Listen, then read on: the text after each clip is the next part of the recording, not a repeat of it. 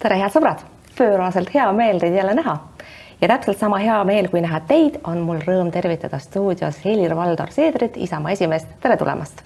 tere päevast. härra Seeder, kuidas tervis? Te astusite stuudiosse sisse omal jalal, karku enam kaasas ei olnud.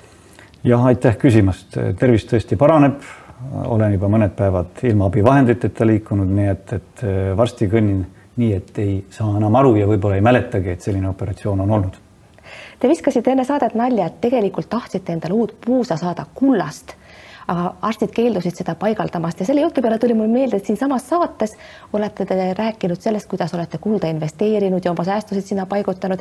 et tegelikult teil oli siis nagu mõte need säästud paigutada oma puusa sisse, raskel ajal hea võtta või kuidas? jah, see oli nii naljaks öeldud, et äh, arstid tegid oma tööd äh, väga hästi, mina usaldasin arste materjalide valikul äh, usaldasin ka operatsioonil täielikult neid ja tundub, et kõik õnnestus väga hästi. nii et on asju, kuhu poliitikud oma nina vahele ei peaks, peaks toppima ja vot meditsiin on üks asi, mis puudutab siis konkreetselt arsti otsuseid, siis need jäägu ikka arstide otsustada. olen selles teiega täiesti ühel nõul. kui koalitsiooni läbirääkimises läks õieti juba enne neid, siis teie olite parasjagu haiglas ja pidasite suurelt jaolt neid koalitsiooni läbirääkimisi ja selle ettevalmistavaid faase sealtsamast haiglast ja te jäite ka pildi peale haigla pidžaamas, mis on tegelikult täitsa haruldane juhtum Eesti poliitikas. siin mõnele varasemale poliitikule on vägagi sageli ette heidetud, et jäävad ette vaatamatult pildile, kas siis läbi trellide või mõnes muus ebamugavas positsioonis. Teie poseerisite pidžaamas täie enesekindlusega. Teil PR-inimesed ei öelnud, et Helir, seda sa pärast kahetsed ei, PR-inimesed mulle jah, mingisuguseid soovitusi ei andnud. Te tundsite ennast nii kindlalt, et võisite, oleksite võinud poseerida kuidas iganes? aga vastab tõele, et koalitsiooni läbirääkimisi tuli alustada mul haiglapalatist ja ajakirjandus, nagu ikka, jõuab igale poole, näeb kõike, poeb läbi ka uksepraost ja aknapilust ja, ja nii ka seekord äh, väga paluti ja, ja sooviti, et äh, pilti oleks vaja tingimata äh, ja nii-öelda akuutset pilti, mitte mingisugust ajaloolist pilti kusagilt arhiividest välja otsida. ja nii te pidžaamas pildi peale jäite? ja, ja nii ma äh, jäin pildile, aga siiski ma küsisin luba ja küsisin luba äh, arstilt, et kas see üldse on lubatud äh, ja loomulikult ka ajakirjanikud pidid seda küsima. ja luba anti vastastikku, nii et selline pilt sai tõesti tehtud. aga olulisem oli selle pildi taga sisu, need koalitsiooni läbirääkimised, mis lõppesid uue valitsuskoalitsiooni moodustamisega räägime paari sõnaga neist läbirääkimistest, ma saan aru, Kaja Kallas teid sinna haiglasse lausa vaatama ei tulnud, küll aga viidi koalitsiooni läbirääkimised Viljandisse, kus teil oli neid mugavam pidada. ja nagu ma aru saan, pidasite te neid suuremalt jaolt öösel, mul on väga hästi meeles just Kaja Kallase tweet, kus ta ütles, pool neli on hommikul ja me ei ole ikka kuhugi jõudnud. kas see on teil mingisugune taktika, et kurnata need valitsuspartnerid, võimalikud valitsuspartnerid viimseni ära, krutite neil närvid nii üles, et nad lihtsalt ei jaksa enam ja siis nad ütlevad hommikul teile jah, Helir, teeme nii, nagu sina tahad, oli niimoodi kust te teate ja olete kindel, et Kaja Kallas haiglas ei käinud mind vaatamas, aga võib-olla, võib-olla käis äkki. aga käis siis või? mulle jäi mulje, et ei, ei ole käinud. ei lükka ümber. ah soo, et võib-olla ikkagi käis. aga nüüd küsimusele vastates, et äh, kas läbirääkimised käisid öösel, läbirääkimised käisid ka öösel, aga enamasti ikka päeval see on, 90... see on teil taktika niimoodi, niimoodi võimalikke partnereid murda? ei, see ei ole taktika, aga see kujuneb alati läbirääkimistel nii, et ainult päevadega hakkama ei saa, tuleb ka ööd appi võtta. ja nii ka seekord, kuigi seekord oli öiseid läbirääkimisi suhteliselt vähe. mina olen osalenud väga paljudel koalitsiooni moodustamistel ja võin kinnitada, et öiseid läbirääkimisi on olnud palju rohkem kui nüüd nendel viimastel läbirääkimistel, kus paaril korral tõesti tuli ööl noh, pea hommikuni läbi rääkida. kummaga on olnud Aga... kergem läbirääkimisi pidada, kas Kaja Kallasega või Jüri Ratasega? no kõik eh, koalitsiooni moodustamised on eh, omanäolised ja, ja eripäralised. osapooled on, on erinevad. kummaga on kergem olnud? Eh, ei saagi vastata, ma ütleksin, et erinevalt keeruline on olnud mõlemaga. kummaga on olnud toredam? mõlemaga on olnud erinevalt tore alati uus algus on ju ka emotsionaalselt äh, positiivne, sa ootad midagi, püüad kokku leppida, partnerid on uued ja huvitavad, nii et, et äh, et selles mõttes äh, olid need läbirääkimised nii keerulised kui ka huvitavad tagantjärgi vaadates ja mõeldes ja analüüsides neid läbirääkimisi, mida mina alati ka teen, võib ju mõelda, et üks või teine asi oleks võinud minna nii või teistmoodi, aga üldiselt ma arvan, et kõige rohkem nende läbirääkimiste tulemusena võitis Eesti rahvas. ja, ja siin on me jõuame, härra Seeder, Eesti rahva juurde kohe jõuame. väga palju võrreldud, et kas üks, teine või kolmas osapool, mina üldse niimoodi ei, ei kõrvutaks ega oskagi võrrelda. aga teate, mina tahaks hoopis teada seda, et jah, Eesti rahvas kindlasti, selle, teie sealhulgas. selles ma ei kahelnudki. aga teate, küsida tahtsin hoopis seda, et teid kahtlustati pidevalt, et te mängite kahte mängu, et olete ikkagi tegelikult leppinud Jüri Ratasega kokku, et teeme selle vana EKREIKE valitsuse, mis Jüri Ratasele teatavasti oli küll ebamugav, aga ikkagi meeldis, oli nagu mugavam asju ajada väidetavasti. aga mis hetkel te siis äh, taipasite, et teil on kasulikum või mõistlikum edasi minna Kaja Kallasega, Reformierakonna esimehega, mida te siis lõpuks äh, heale Jüri Ratasele ütlesite, et sorry, Jüri, seekord oli kasulikum sedapidi või kuidas see lugu käis? Noh, kõike seda, mida meedias ja ajakirjandus äh, kirjutab, ei maksa ju tõsiselt võtta. Teie isegi Teie... neid lehti ei loe, nagu me hästi mäletame. jah, vastab tõele. aga äh, see, mida te küsisite, et äh, millal ma siis jõudsin järeldusele või muutsin justkui seisukohta, et ei olnud. algusest peale oli selge, kellega me läbirääkimisi alustame, nii nagu me meediale teada andsime, nii see ka oli. et kui tuli ettepanek Kaja Kallaselt ja tuli ettepanek Keskerakonna esimehelt Jüri Rataselt siis me arutasime, analüüsisime ja langetasime otsuse, et me alustame läbirääkimise läbirääkimisi kolmikliidu moodustamiseks Sotsiaaldemokraatide ja Reformierakonnaga. nii et mingit valgustushetke e, ei, ei toimunud ja seda, et me oleks mänginud kahte mängu või oleks andnud signaali, et meil on ka teine alternatiivne võimalus ei, sellega spekuleeris ajakirjandus. Te andsite kogu aeg Kaja Kallasele mõista, et teil on aega küll, et teie käes on võimupositsioon. ei, vastupidi me olime väga konstruktiivsed äh, oma ettepanekute tegemisel ja meie ettepanekutest, mida oli päris palju, mis võiks olla teistmoodi ja meie uued ettepanekud, olgu see elektrituru reform või mingid muud algatused, perehüvitiste eelnõu, siis sellest tehti järeldused, et kuna me tuleme uute ettepanekutega välja siis me pressime välja, kaupleme, tahame venitada, tegelikult ei tahagi seda koalitsiooni, tahame hoopis teist koalitsiooni. sellega spekuleeris ajakirjandus. aga mis te ikkagi Jüri Ratasele ütlesite? meie, meie soovisime kogu aeg sisulisi läbirääkimisi sisuliste teemade üle, et poliitika sisu üle kokku leppida. aga Jüri Ratas tegi ka ettepaneku, mis, aga mis te Jüri Ratasele ütlesite siis seekord, et sorry, Jüri? Jüri Ratasele ütlesin seda, mida ma olen ka meedia vahendusel välja öelnud, et meil on väga raske praegu teha koalitsiooni Keskerakonna ja EKRE-ga erinevatel põhjustel, sest just-just on toimunud hääletus, mis puudutas hinnangu andmist Venemaa ja Ukraina sõjale, kus kümme Keskerakonna liiget ei olnud valmis tunnustama siis äh, Venemaad kui agressorriiki.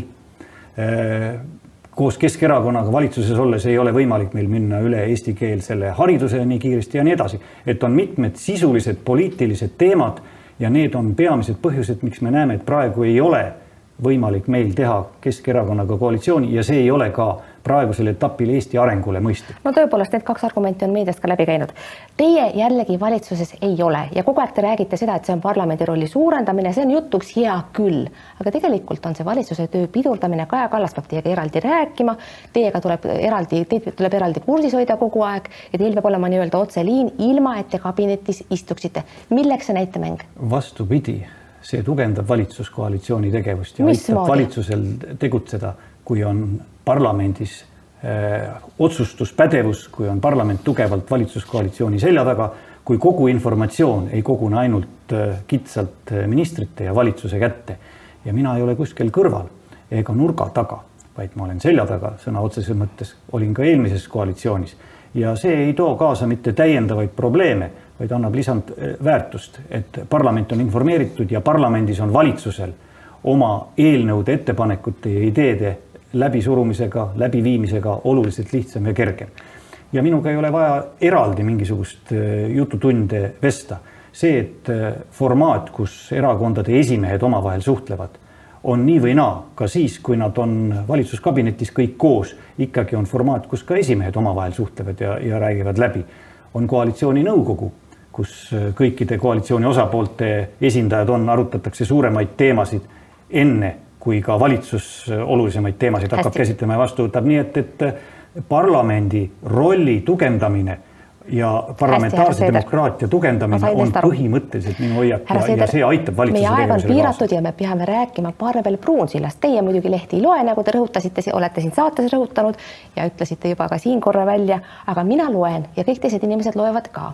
Ja kui see valitsus kokku sai, siis äh, ausalt öeldes kõige esimene nimi, mis ka minu peast läbi käis ja väga paljude teiste inimeste seas, peast oli Parvel Pruunsild ja ma mõtlesin, et äh, tol hetkel, et kuidas huvitav teie ja Parvel Pruunsild siis nagu tähistasid selle uue koalitsiooni sündi, mida võiks ju tingimisi ja kujundlikult nimetada ka Pruunsilla koalitsiooniks.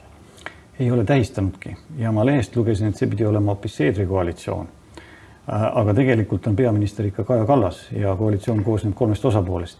ja kui Kaja te Kallas nüüd on äh, ikkagi- püüate äh, Parvel Pruunsillale omistada mingisuguseid üleloomulikke omadusi ja, ja tohutut mõju, siis see ei vasta tõele. Parvel Pruunsild on Isamaa liige, pikaaegne Isamaa liige, kes jagab Isamaa põhiväärtusi ja kellel minul isiklikult on äh, väga lähedased äh, vaated ühiskonnaelule, poliitikale, kellega meil on väga sarnane maailmavaade. aga kumba pidi see ise õieti siis on, selles tänases Ekspressi loos ütlete teie ka, et ega Parvelil ei ole tarvis mulle üldse raha andagi, minu peas on niisamagi needsamad mõtted, mis Parvelil ja seda lausa enne, aga kes peaks seda uskuma, kui tegemist on erakonna suurrahastajaga, mõjuvõimsa mehega, kes äh, suunab Eesti poliitikat ka nii-öelda mitteametlikult paljude MTÜ-de kaudu. nüüd te interpreteerisite minu äh, Ma tsiteerin vabalt. jah, vabalt, kust võib valesti aru saada, et äh, Täpsustage. kui, kui äh, mõtted on mul peas, et, et siis justkui need on kuidagi rahasse ümber arvestatavad või ostetavad, ei ole.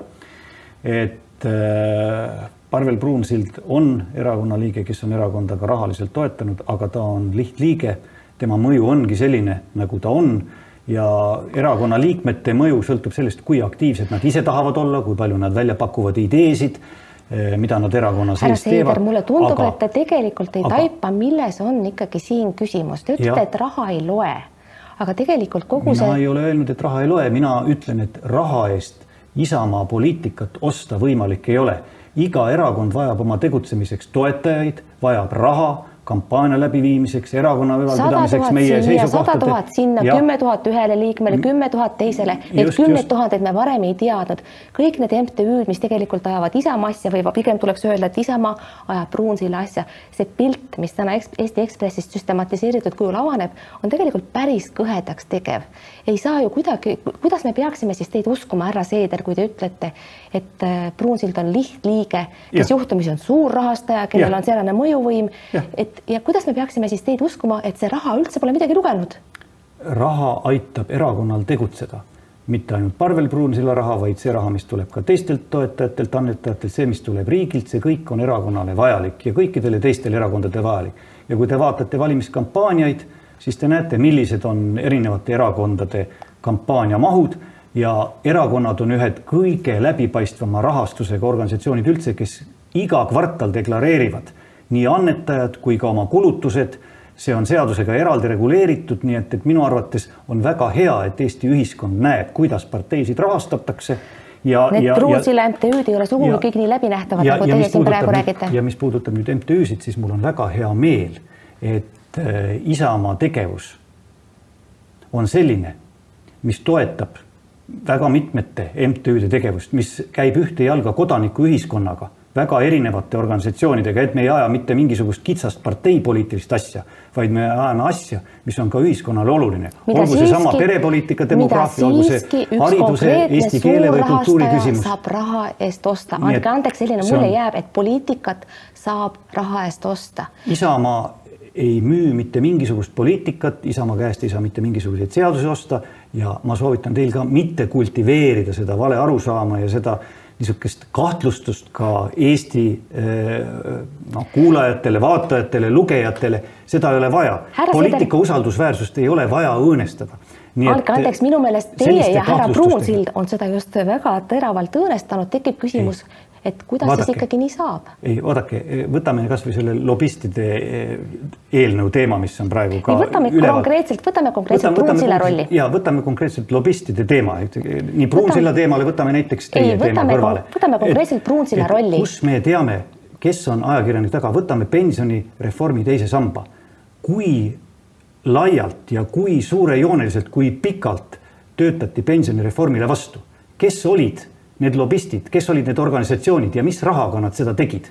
sugugi mitte ilma rahata. Aga sugugi mitte ilma rah- ärme, unustame, et ajakirjandus ja rahata meedia on väga suur jõud ja näha seal taga tonti ei tohiks mina ei ole absoluutselt mitte vaba ajakirjanduse vastane, aga ma tahan öelda, et ärme näeme tonti seal, kus tonti ei ole. on viidatud ka, et värsked ministrikohad on võib-olla nii-öelda saadud vähemasti kaudselt Pruunsilla raha eest, me räägime siis Lea Danilsoni järjest ja Kristjan Järvanist, keda mõlemad seovad Pruunsillaga pikaajalised sidemed ja samamoodi ka Isamaa agendaga. kuidas te seda kommenteerite? jah, vastab tõele, et Isamaal on olnud äh, varasem koostöö ja kokkupuude ja töised kontaktid nii äh, Kristjan Järvaniga äh, kui ka justiitsministriga, kes praegu on ametisse astunud, Lea Danilsoniga ja mõlemaga erinevatel teemadel, nii pensionireformi käigus erinevad analüüsid, kokkupuuted nii demograafia küsimustes, perepoliitika küsimustes ja mõlemal teemal,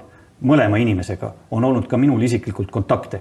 Ja nad on ka olnud erinevate teemadega avalikkuse ees, avaldanud oma seisukohti ka varasemalt, ei ole kuskilt nurga tagant välja ilmunud, nagu siin esimestel päevadel püüti noh, seda kuidagi iseloomustada, et täiesti tundmatud, teadmata no, isikud. ajakirjanikud teavad neid, ma arvan, lai ühiskond võib-olla mitte. väga hea kontakt nendega ja mõlema kandidaadi esitamine ministriks ja erakonna sees heakskiidu saamine oli minu ettepanek ja minu idee ja oli esimene valik, mitte teine ega kolmas valik. erinevalt võib-olla mõnest teisest erakonnast ei olnud minul vajadust otsida siit-sealt või kolmandast härra Seeder, ma tsiteerin, ma tsiteerin teile poliitikakuru ja, ja Salga ühist järeldust ministrikohtade kohta, seal seisab selline lause. paistab, et Eestis on piisava rahakoti ja sihikindluse korral võimalik osta nii konkreetseid seadusi kui ka konkreetseid ministrikohti. silmas on peetud siis ikkagi neid kahte. kuidas te seda kommenteeriksite? aga miks ma peaks seda kommenteerima, ma ei jaga absoluutselt seda seisukohta ja võin kinnitada, et ei ole võimalik ei, ei ministrikohti osta ja veel vähem mingisugust poliitikat härra Seeder, mida tähendab teie meelest sõna oligarh, mida on nii eravestlustes kui ka ajakirjanduses aeg-ajalt tarvitatud härra Pruunsilla kohta? et eh, mida see, mida see sõna teie hinnangul tähendab üldse? vaat eh, need inimesed, kes seda sõna tarvitavad, peaksid ise selle lahti defineerima, mida nad seal taga mõtlevad ja kahjuks ma arvan, reeglina käsitletakse seda halvatoonilisena, kus raha ja poliitiline võim puutuvad kokku see, mida ma siin äh, järjepidevalt juba viis või kümme minutit ümber lükkan, et ei, ma arvan, laiemalt äh, Eesti poliitikas ei õnnestu seadusi osta, kui ma võtan parlamenti tervikuna. kahtlemata on püütud üksikute poliitikute kaudu poliitikat mõjutada ja me teame, et on jõutud ka asjadega kohtuni ja kriminaalasjadeni. aga Isamaa puhul äh, kindlalt väidan, et ei ole mitte mingisugust poliitika ostmist, ei ole mitte mingisugust kohtade ostmist, seda enam oma erakonna liige oma erakonna sees poliitikat ei osta. ta saab seda, seda teha küll... tunduvalt lihtsamini läbi erakonnasiseste struktuuride. jah, seda tehaksegi, seda on küll muidugi pärast tänast Ekspressi lugu väga raske uskuda, aga meie vaataja kuulab teie, teie juttu ära.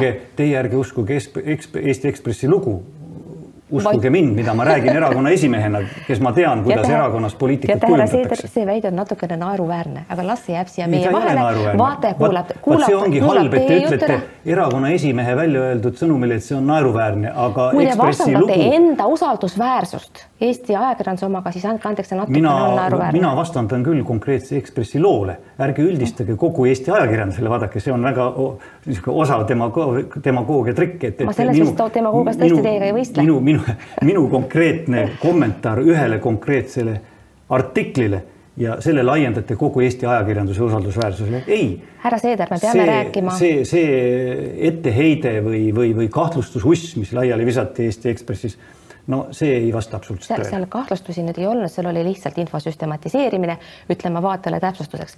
siinkohal tõmbame sellele loole joone alla, tahaks rääkida paar sõna Orbanist, kellega te olete mäletatavasti koos baseerinud ja kellega te ilmselt tundsite mingil ajal ka teatavat maailmavaatavast lähedust.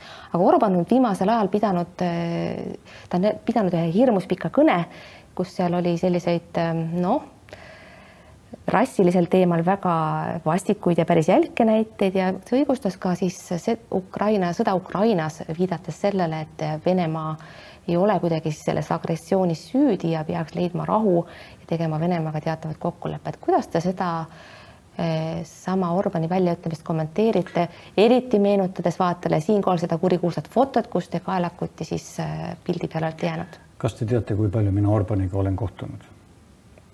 Me oleme sellest vist siin rääkinud, et te olete nende kõigiga seal kohtunud ja olete ka pildi peale jäänud. ma olen ühe korra Eestis kohtunud, kus seesama foto on tehtud, kui Aha. Orban külastas jalgpallimatši oh, Tallinna staadionil. õige, teie Euroopas ei käi ja, muidugi. ja, ja ei, vastupidi, ühe korra Eestis ja siis äh, ka mõne korra äh, Brüsselis, kus Euroopa Rahvapartei juhid omavahel kokku said, kui Fidesz ja Orban kuulusid veel Euroopa Rahvaparteisse. küsimus nüüd konkreetse kõne kohta. ja mis puudutab nüüd äh, Orbani poliitikat, siis kaugeltki see ei ole kuulatükk ja leidke mulle kohti, kus äh, Seeder on kiitnud Orbani poliitikat, veel vähem neid viimaseid sõnavõtte või hoiakuid, äh, mida siis Ungari poliitika endas sisaldab. nii et ma ei ole kunagi kiitnud heaks Orbani niisugust semmimist ida ja lääne vahel ehk Äh, Vene poliitika suunda. me väga hästi teame Ungari ja Ukraina omavahelisi suhteid, mis tulevad ajaloolisest taustast, mida me siin lahti ei jõua rääkida ja nii edasi. Äh, aga need on spetsiifilised asjad, aga ma ei ole kunagi ülistanud äh, Orbani taolist poliitikat eriti, mis puudutab venemeelset poliitikat. teata, teatav lähenemine see... siiski EKREIKE valitsuse ajal Isamaa ja Ungari vahel toimus, seda ei saa eitada lähenemine teatav, Ungari ja, ja, ja Isamaa vahel. teatav selline. no need on täiesti erinevad kategooriad muidugi. Isamaa sõsarpartei oli Fidesz, aga Eesti ja Ungari suhted on meil olemas. aga see, mis puudutab nüüd uh, Ungari käitumist Euroopa Liidus, siis uh, siin on üht kui teist. mina kindlasti ei pea õigeks seda, mida Euroopa Liit on Ungari suhtes uh, püüdnud siin rakendada. tehtud on ülekohut. näiteks seda, mis puudutab rahalisi sanktsioone ja, ja rahakotiga hirmutamist. teate, see on teatud äh, analoogia sellest, et kui peres laps äh, rikub distsipliini või ei käitu korralikult ja kultuurselt, siis ma jätan ta söömata. noh, see ei ole kindlasti meetod, millega kasvatada. nii ka Euroopa Liidus, ma arvan, et tuleb otsida ühismeelt, äh, läbi rääkida ka nendega, kes võib-olla noh, töötavad teatud küsimustes vastu või püüavad nii-öelda oma huve realiseerida teiste liikmesriikide arvelt ja, ja, ja püüavad seda õigustada Ukrainas. et ka siin tuleb leppida kokku ja püüda Euroopa Liidus ühtsust säilitada. et seda Hästi. olen ma kogu aeg toetanud, et Euroopa Hästi. Liit oleks ühtne ja püüaks ka neid erihuve, mis erinevatel riikidel on eh, ühendada ja, ja, ja mitte minna jõuliselt vastandumise teed. see puudutab ju ka Poolat teatud perioodil ja nii edasi. aga see ei tähenda, et igasugust Ungari poliitikat mida ta teeb ja ajab, eriti Vene suunal, nagu ma olen nüüd, et hästi, ma olen kunagi heaks kiitnud või kiidan praegu heaks. hästi, härra Seeder, meie aeg on ülimalt piiratud, me peame ja. rääkima paar sõna elektrituru reformist. Teie koalitsioonipartnerid on eh, käsitlenud seda ajutise meetmena, Isamaa arusaam on vist natukene teine, aga minul on küsimus hoopis mujal. et eh, seda hakkab ellu viima siis teie ettevõtlusminister Järvan, aga tegelikult see on hoopis rohkem nagu ju majandusministeeriumi haldusalas olnud seni ja minu teada Eesti Energia üldkoosolek on hoopis rahandusminister.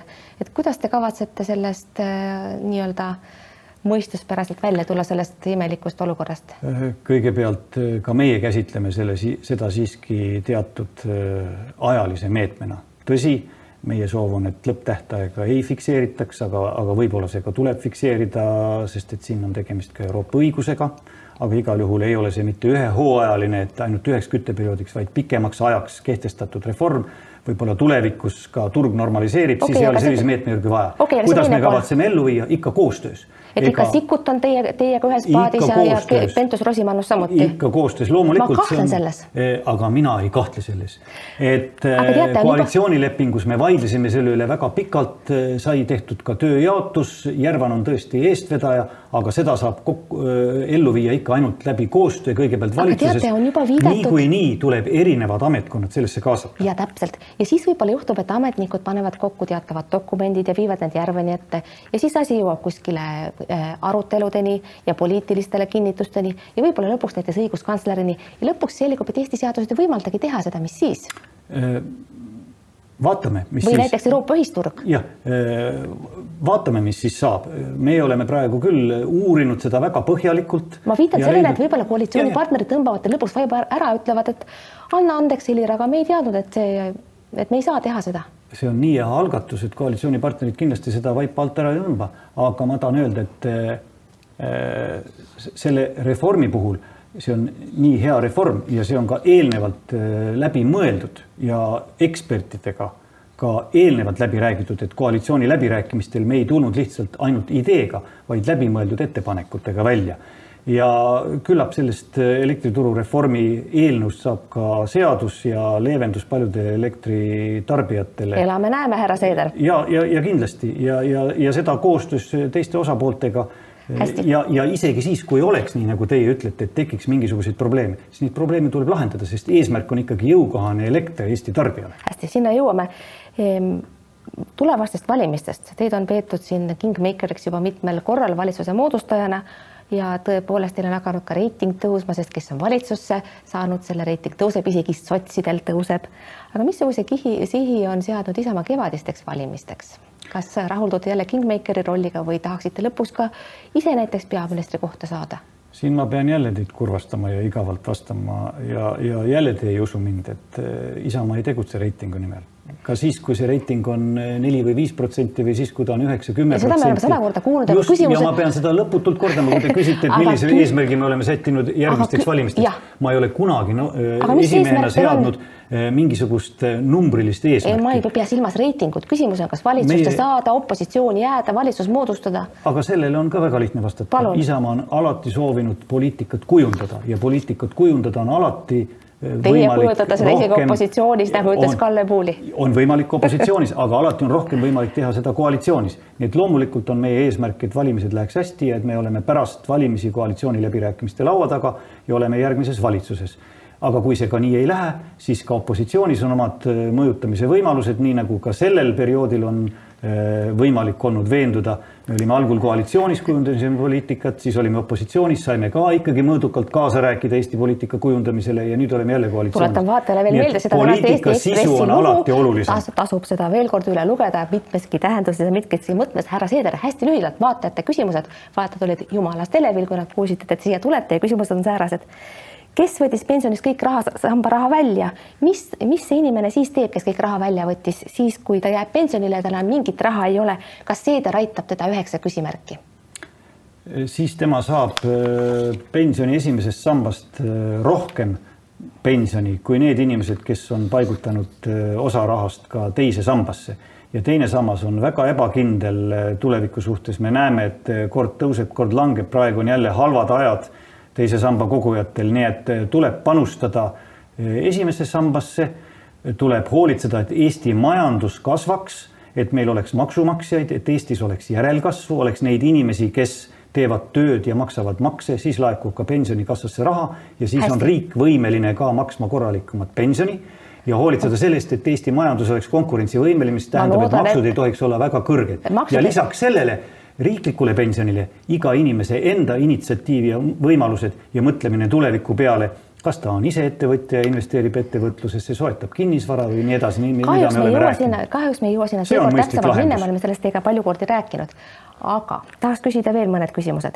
kas Helir-Valdor Seeder võttis Rain Lõhmuse öeldud, et Seeder on kommunist suure komplimendina, et Isamaa on muutunud vasakpoliitika ajajaks? ma täpsustuse korras ütlen, et Lõhmus ei öelnud, et Seeder on kommunist, vaid ta ütles, et Seeder käitub nagu kommunist. jah, teate selle teise pensionisamba eh, reformi käigus olen ma saanud igasuguseid hinnanguid eh, kurjategijast kuni kommunistini välja. aga ei, ma ei ole kommunist ja Isamaa ei ole ka muutnud oma poliitikat ka praegu, kui te näete, siis praegune koalitsioon on leppinud maksukoormuse vähendamise teed. esiteks äh, tulumaksuvaba miinimumi tõus, mis vähendab maksukoormust no, madalampalgaliste inimeste. me ei jõua täna rääkida, neid te tõstate varem või hiljem. pluss veel see, et. Isamaa koalitsiooni läbirääkimistel soovis, et ka CO2 hind ehk sisuliselt CO2 maks ei läheks elektri hinda, aga me leppisime kokku, et seda hüvitatakse, nii et seda ei saa võtta kui toetust, vaid see on tegelikult maksuvähendus ehk CO2 koormuse vähendus tarbijatele. härra Seeder, kaks lühikest küsimust vaatajatelt veel lõpetuseks, palun lühemad vastused. miks elektrituru reformi ei viidud läbi nii, nagu eelmise aasta lõpus lubati? praegune, mis esimesest oktoobrist kehtima hakkab, on käkerdis ja rahva lollitamine. ei ole käkerdis, vaid äh, see peaks fikseerima äh, suurele osale Eesti elanikest ja tarbijatest jõukohase elektri hinna vähemalt selleks ajaks, kui elektri energiaturg on nii ebanormaalne, nagu ta praegu on ja börs ja turumajanduse reeglid siin ei toimi hästi, ja viimane küsimus, millest mina päris täpselt aru ei saa, aga ma arvan, teie, härra Seeder, saate, sest mulle tundub, küsija on teie suur fänn. kuna mõiste ema ja isa võivad lähiajal kasutusest kaduda, siis kuidas nimetatakse lähitulevikus teie erakonda uues valguses, kas näiteks lapsevanem üks erakond või? Isamaa oli, on ja jääb Isamaaks ja Isamaa oli, on ja jääb igaveseks ajaks. Isamaa on igavene ja ema ja isa olid, on ja jäävad ka, nii et sellepärast ei maksa muretseda. härra Seeder, ma tänan teid südamest selle meeleoluka jutuajamise eest, head sõbrad. aitäh, et te vaatate, vaadake järgmist saadet ikka jälle. järgmises saates võin ma teile saladuskatte all lubada, on jällegi Isamaa Erakonna poliitika. aitäh, et vaatasite, kuulmiseni ja nägemiseni